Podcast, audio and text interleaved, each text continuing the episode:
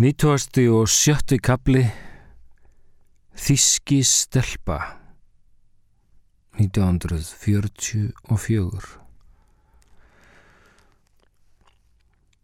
Um kvöldið snættum við í þögn einhvern grillavan borrafisk sem hann hafði talað upp úr tjörninni dæin áður. Ég reyndi tvísvar að brosa til hans, snerta hönd hans en hann dró hana að sér og skipaði mér að slökka bálið áður en dimdi. Við gætum ekki leift okkur að sitja úti á kvöldin, eldurinn hrópaði á bissur og skot. Í fyrsta sinn lagðust við út af strax eftir myrkur og hafðum ekkert ljós, heldur lágum bara og störðum upp í blegsvertuna sem settir aftan við hverja setningu í sögu tímans. Mér fannst þessi punktur vera stærri en aðrir. Úti söðaði skóurinn og ég stitti mér stund við að reyna að greina það hljóð í hverju það fólst en tókst ekki að ættfara það upp á neitt sérstakt annað en snemsumarsprettuna. Í sérkverju starfandi laufi strái maur var einhver byrtunar masandi sem ónemanlegur var mannsins eira en saman komin í miljónum myndaði hann þetta skóar suð sem myndi helst á þá háværu þögt sem verður í fílharmoníinu þegar sprotin er gengin í sal en engin tónlist hafin og skildi ég nú loks orðið skóar salur sem ókunnur skaldi hafði sett í barnasöng. Kanski var von á tónlist úr þessum sal, en kanski var náttúran bara að segja suss því hún vildi hlusta á stríðsfrettir En þær voru engar í kvöld, engar drönur, engin lest. Líkast til var sprengjufrí í borgunum undir himninum í vestri, Dresden, Cottbus og Berlín. Ég sá fyrir mér rökkur heita skemmtigarða fulla af einfættu fólki. Ég leit annað slæð á Marek og sá ekki betur en hann hefði augun opinn og höfuð hans virtist suða í taktið skógin fullt af hugsunum. Smám saman varð eilítið bjartara í kofanum okkar. Í fyrstu held ég að augum mín hefði öðlast nátt sjón en sá svo að borðið undir glugganum hafði málað skugga á golf. Úti var komið tungsljós. Ég stöulaðist út til að pissa, gekkin í leikmynd sem ég geimi enn í kyrninu en það er næsta líffæri við brís og hýsir minningar í súrsætum frömu vessa flauelskulum að lit. Það livði enn á hita dagsins í miðnætur kyrðinni og glögt mátti finna að í skóginum var kvöldvakt enn ólokið. Mís og maurar, maðkar og mý voru langt frá því sopnuð heldur komin þreitu galsi í þraug þeirra. Ef betur var hleraðum átti nema vinnusöng úr næstu mauraþúfu. Tunglið hafði komið upp í norðri en virtist hafa fest sig í viðjum trjána myndi á skýðbjarta fallíf. Gengt náttbjörtum himni var laufið svart og hreyðist hvergin um að hreift væri við því. Eitt stjellangur fuggl fekk skyndiminnið er hann sá mig, mundi allt í einu að hann átti fjölskyldu í 34. tref frá tungli og skust yfir kofan skálega en skildi eftir tínandi grein. Ég fyldist með henni kirrast meðan ég bætti volgri bunu við skóarsöðið. Ég sá að sambilingur minn vakti enn á kottanum þegar ég tipplaði inn aftur en leiti ekki á mig. Ég lagðist á þval leiktandi kottan og hugsaði heim. Hvernig gæti þetta gerst og af hverju ég? Allar íslenskar 14 ára stúlkur fengu ungdámsárin afgreit út á milli blára fjalla í faðmi föður og móður með heitum herbergis opni og volgri jólakökusneið. En hér hafði ég mátt berga mér frá modni til máltíðar einsamall krakki í Evrópu árum og vorum saman, myndi stríðið nokkurn endi taka og kemist ég þá aftur til Kaupmannhafnar og þaðan til Íslands. Þó var þetta sjálfsagt erfiðara fyrir þau, mömmu, ömmu og afa. Nú voru liðin rúm tvö ár síðan ég kvarf þeim inn í tíman og því nærtakast að telja mig af. Ég hafði skrifað þeim nokkur bref og sett í posthús ef ég sá. Ég hafði leift einum postbúnum herra að káfa á mér fyrir en það voru auðvitað engin skip frá Brímarhöfn til Brímsins eigjar og utan á skriftin Sveit Björnsson Bótshafta Reykjavík, Ísland fekk að gulna í þremur borgum. En hvað vissi ég? Kanski var mamma dáin, kanski pappi, jáfnvel bæði.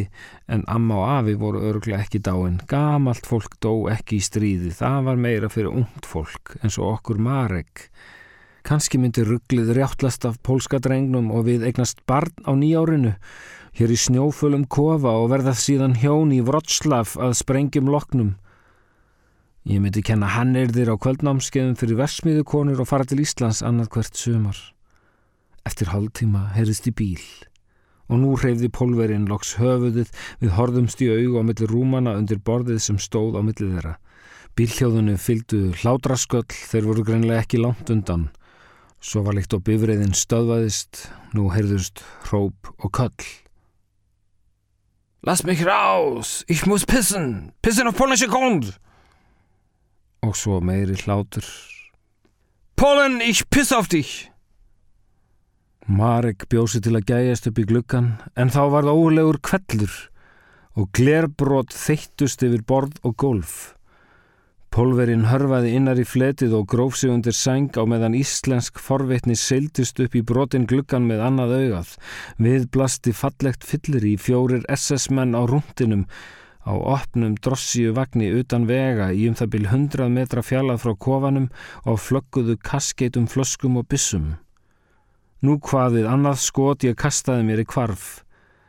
En kúlan sú káfaði ekki á kofanum okkar var líkast til á leið til tungsins því nú rópuðu þeir eitthvað til mánans. Sjálfsagt var planið að hernema hann fyrir haustið. Ég hendist fram á rúminu og undir það tegði mig eftir sprenginu minni og þauðt svo aftur upp í. Marek varð ein augu en ég let hann ekki sjá mitt fagra vopn, heldur faldi undir sæng og klemdi um það tíu fingur, þó ekki var fast. Við lágum stjörfi í fletum okkar, uns þeir höfðu tæmt bissur sínar og húðbissur, þá urðu við helstjörf. Billin heyrðist skrýða yfir skóargólfið og ég gat ekki betur heyrt en þeir stemdu á kofan. En einu sinni fór ég huganum yfir leiðbenningarnar um meðferð og notkun handsprengja. Þú rýfur innseklið svona, já, tókar hérna í og hendur henni svo frá þér. Herði ég föður minn segja í hundraðasta sinn. Um leið og bílinn erði komin að kofanum myndi ég rjúka til, opna dyrnar og henda frá mér stáleikinu. Innsiklið mátti þó ekki rjúfa fyrir en rétt áður. Ég þurfti að vera 100% viss. Það tók mig dágóða stund að komast út úr helstjarfanum, öðlast raun heyrn á ný og átta mig á því að ærindin í eirunum voru einungis skóarsuð. Ég reysi fyrir dogg og leit út. Þeir eru farnir, sagði ég á landamæra þísku. Pólverinn svaraði ekki, heldur lág hreyfingarlaus með höfuð undir sæng. Það leindi sér ekki að taugar hans voru enn full strektar, allar sem einn. Þíski stelpa, heyrist hann loks umlæðin í hornið undir sænginni.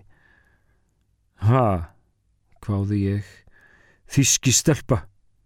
Endur tók hann og ég áttaði mig á því að hann var að tala þísku. Þíski stelpa! Síðan þeitti hann af sér senginu og reys á fætur, stóð stjarfur og æðist þrungin á kofagólfinu á nærklæðum stríðs og eftir á mig. Þíski stelpa! Reif síðan af mér sengina í einu handtæki en brá við þá sjón sem blasti við. Fáklætt 15 ára stúlka með hjartaföðu síns í annari hendi en meitóm í hinni.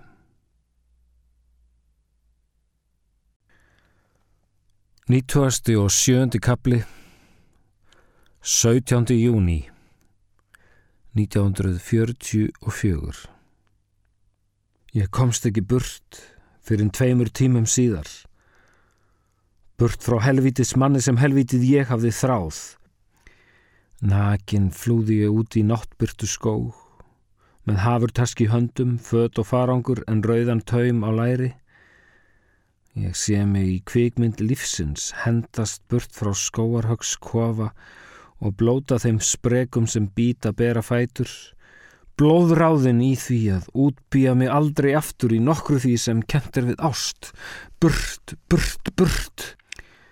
Staldraði þó í handsprengju fjallað frá kofanum og var að því komin að kasta í hann hjarta míns föður sem helvítis maður hafði náð af mér með valdi um leið og meidómnum.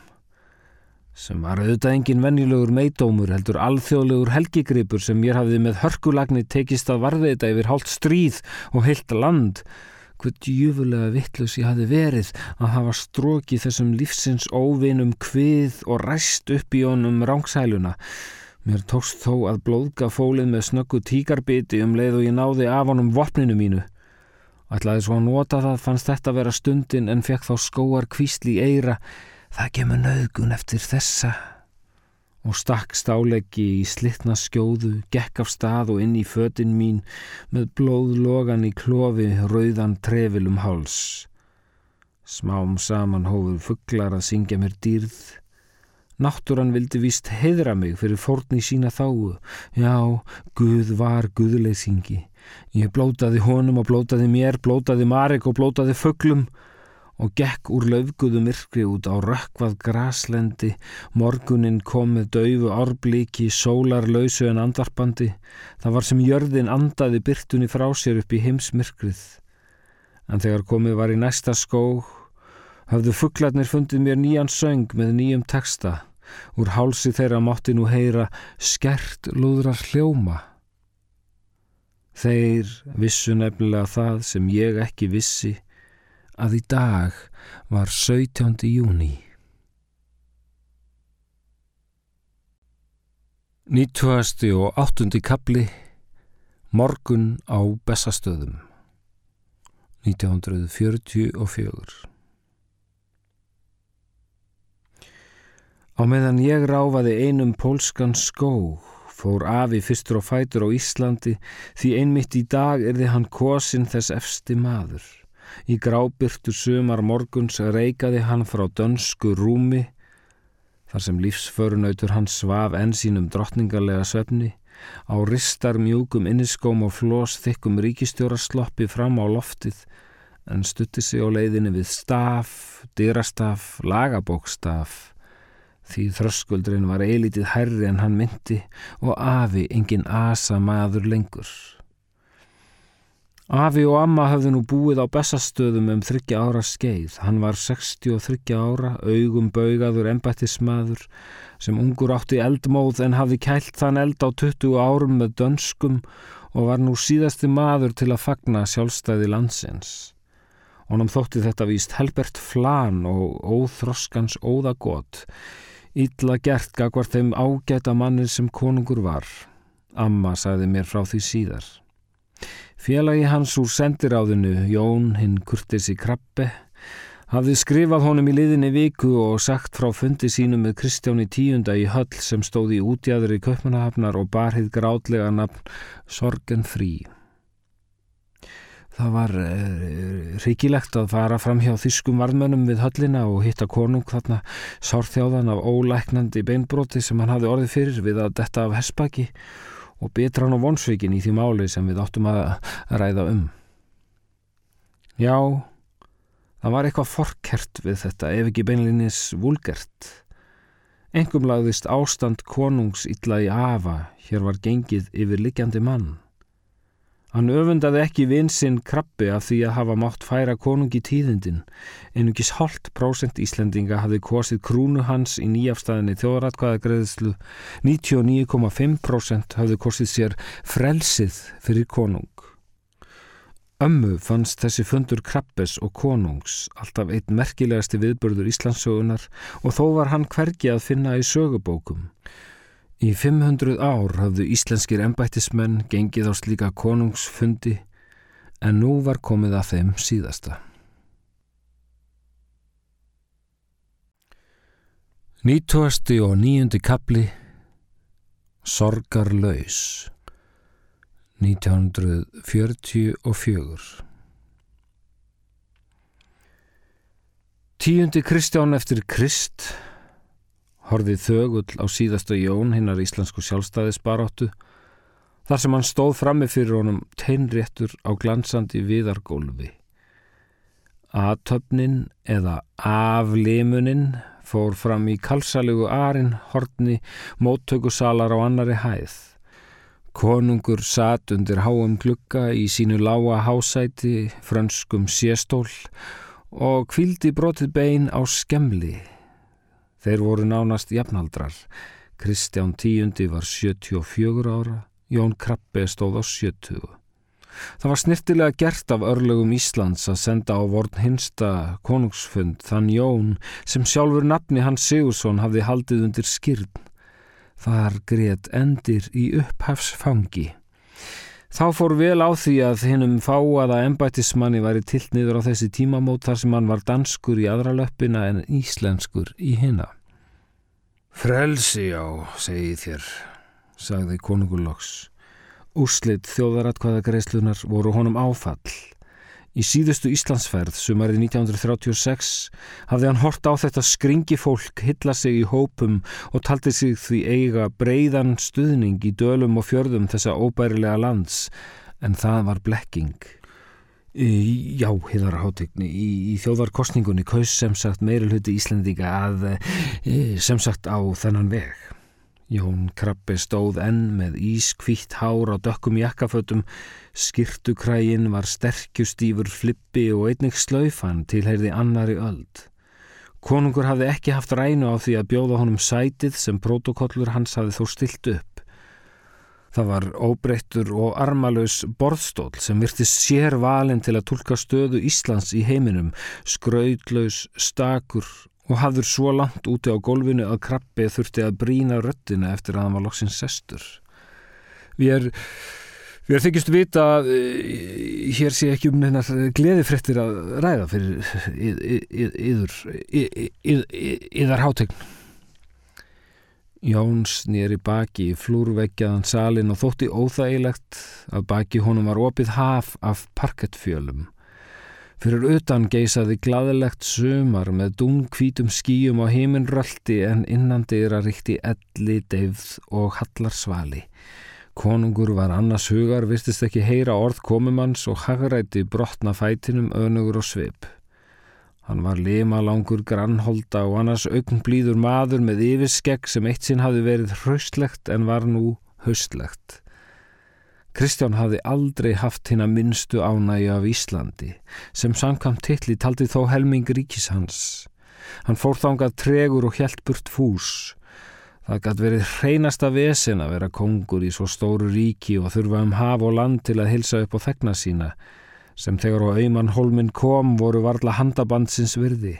Fólk sem bjó undir grætni torfu og brutti mold eða var það kaffi, tópak kannski en sjæl som djevel. Og kuldin maður og vindurinn, herri Guð. Sjálfur var kongurinn Íslendingum óþægt stærð og átti, þráttur er allt þeirra skjall, allsengan sess í hjörtum þeirra. Laungu síðast spurði Halli sonun minn hvernig maður síðasti konungur Íslands hefði verið og ég gati ekki svarað því. Í Íslandssögunni voru þeir allir eins, roskin, hágranni með yfirskegg og skjali í hendi eða var það kannski svipa? Frelsi já Hendur tók Kristján tíundi út úr sínum eigin heimi og stundi, reyndi enn að finna löppin í betri stað á skemlinum sem líkt og fadir hans stóllin var bólstræðu þykku ljóskrænu efni blómskreittu, stoff sem sjálfsagt hafði setið á þeim kolli frá tíma Napoleons stríðana og var nú orðið illa stamt af snertingarleysi. Konungur var borgaralega klættur á dökk, bláum jakkafötum og svartgljáandi skómi í svörtum hásokkum. Samt sem áður var erfitt að tengja þennan fót og þennan skemil við þá öld sem nú var senn hálnuð. Til hvað störu þér frelsi? Hafið þér íslendingar ekki alltaf verið frjálsir? Búið þér ekki eigin landi, talið þér eigin tungu? Hafið þér ekki alltaf fengið að vera í friði, höfum ég ekki séð til þess. Hefur einhver reynd að riðja yfir burt úr þar fjallega fyrðulega landi. Hafið þér ekki, já, hafið þér ekki alltaf verið frjálsir. Einu starfsmaður íslensku utarækist þjónustunar þagði við spurningunum sjö. Sjálfur hafði hann aldrei búið á Íslandi, en kongur beði ekki svars. Og hvað viljið þér svo meira? Við þar einn fána? Nei, hann hafi þér nú þegar. Við þar einn kong. Þér hefði enga hefð fyrir slíku. Það tökur þúsund ára búið til kong. Hvaða, Hvað? Konungur var fastur í eigin ergelsi líkt og hestur í snjó, komst ekki áfram og tók sér andvarps hlið en helt síðan áfram bröldi. Og hvað er allir þér að fá, kong? Eigum ég er kannski að gefa yður kong eins og við gáðum yður stjórnarskrá, alþingishús, domkirkju. Sjálfsagt færi vel að því yðar hátegn en eh, hvað krabbi en konungur hafði þá brokkað út úr samtalinu og puðraði út í loftið. Frelsi, puh! Hann var verulega sár, taldi sig illa sveikin af þjóð sem hann hafði aldrei borið virðingu fyrir, en svo er sagt að hálfu verra sé að vera sveikin af þeim sem aður elskar ekki, en þeim sem aður elskar því öðru fylgi sjálfshatur en hínu einlæg sorg. Frelsi, sagði hann í þriðja sinn og myndi á yfirgefin eiginmann sem hæðist að nafni nýja elskhugans. Hér var engin lækning til. Hinn dansk-íslenski krabbi horfi áanlikt á kurtislegu sendibóði slæmra tíðenda og las úr línunum sem þau höfðu ritað á enni konungs því líkt vannþaklæti, frelsi og hvernig ætluðu 120.000 hræður sem áttu ekki meir en tvö skip og eina fallbissu að þykjast vera þjóð. Var hægt að vera þjóð án þess að eiga herr? En mitt í þeim konunglegu þöngum var kallað á þísku niður í hallargarðinum og kongur laut höfði hófað telja tölur í eigin barmi. Hinn háldanski krabbi horfið samúðar augum á konung hæri fótar síns en mundi þó einnig eftir þeim vinstri og steg örlítið fastar í hann. En uh, hans hátegn lítur þó að skilja að uh, réttur hverjar þjóðar er að uh, Sendimaðurinn þagnaði þegar hann heyrði fótatak að baki sér, einhver flýtti sér yfir gólfið í átt til hans. Krabbe kólnaði upp í sætinu og sá fyrir sér dýflisuna í sorganfrí. Snýr sér svo við í stólnum, átti von á dönskum, ströngum svip, en fekk í staðin þískan óberst á SS klæðum. Ich bedauere, aber Ihr Majestät muss jetzt, wie gestern abgemacht wurde, zu einer Besprechung mit dem Reichbevollmächtigen Dr. Best. Krabbe skildi orð hans. Konungu var orðin setn á fund með sjálfu ríkisalmaktinu Dr. Werner Best. Okkar maður leitt stórum augum á konung. Hann virtist ekki ætla að gefa sér almennilegan tíma til að skilja við landsvæði sem í ferrkilometru mæltist tveir þriðju af ríki hans. Hafði þessi stund enga merkingu fyrir honum? Ich komme gleich, svaraði Kristján tíundi sögulega beigður með dönskum hreim. Óberstinn virtist líklegur til að skipa konungi að koma strax, en hárfínt augnaving þess efnis að hans lága hátegn þyrti aðeins mínútu í viðbót til að ganga frá smá máli var til þess að SS-maðurinn gekk á braud. Loka Jóni var öllum lokið en tókst að hemja sig og saði kurtislega bragði Við, við, skiljum vel þá erfiðu aðstöðu sem konungur er í en eh, fyrir hönd Íslensku ríkistjórnarinnar verðum við að fara þess á leit við yðar náðarsamlegu hátegna þér viðurkennið eh, Viðurkenna þá lúalegu aðferðiðar að notfæra yður þetta. Hann bandaði argur út í loftið. Þetta ástand. Afsakið yðar hátegn en við áttum við að þér viðurkennið vilja vorar þjóðar Allt í hennu sá Jón Krabbi hversu fáránlegt samtalið var. Að ræða þjóðar vilja við konung var eins og að ræða trésmíðar við steinaldarmann. Konungur svaraði ekki en sagði loks hlutlust og döflega gå Þér megið fara, þið megið fara Þegar Jón kom út á hávært malarhlaði þótti honum tveir lóðrættir skíabólstrar á söðurhimninum minna á kvíta og mjúka síðbarta nafna hans Sigurssonar. Mitt á milli þeirra brosti sólinn sínu skærasta.